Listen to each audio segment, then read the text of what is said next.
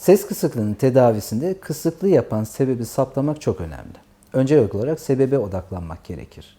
Üç sistem sesi oluşturur ve bunlarla ilgili problemler ses kısıklığına neden olur. Eğer akciğerimizle ilgili bir problem varsa bunu tedavi etmek lazım. Eğer rezonans sistemimizle ilgili bir problem varsa, örneğin sinüzit, burun problemleri, konka problemleri, yumuşak damak problemleri onları tedavi etmek lazım. Ama çoğunlukla ses kısıklığının sebebi ses telleri problemleridir. Ses telleri problemlerinde genelde 3 tip tedavi tekniği var. Bunlardan birisi tıbbi tedaviler, yani ilaçla yapılan tedaviler. İkincisi tera- terapi dediğimiz rehabilitatif tedaviler, yani ses terapisi teknikleri. Üçüncü de cerrahi tedavilerdir. Tıbbi tedaviler ilaçla yapılan tedavilerdir. Örneğin reflü hastalığında olduğu gibi ya da akut larenjite olduğu gibi antibiyotik ya da asit düzenleyici ilaçlar yapılan tedavileri içerir.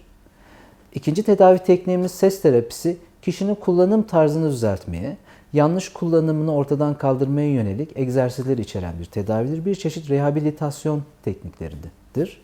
Üçüncü tedavi de cerrahi tedavilerdir. Cerrahi tedaviler ses tellerindeki problemleri ortadan kaldırmak için yapılır ya da ses telinin mekanik özelliklerini değiştirmek için yapılır. Cerrahi tedaviler iki türlüdür. Birisi direkt olarak ses teline yapılan cerrahi tedaviler. Bunlar dokuları düzeltmek, çıkartmak, bazen lazerle bunları düzeltmek gibi.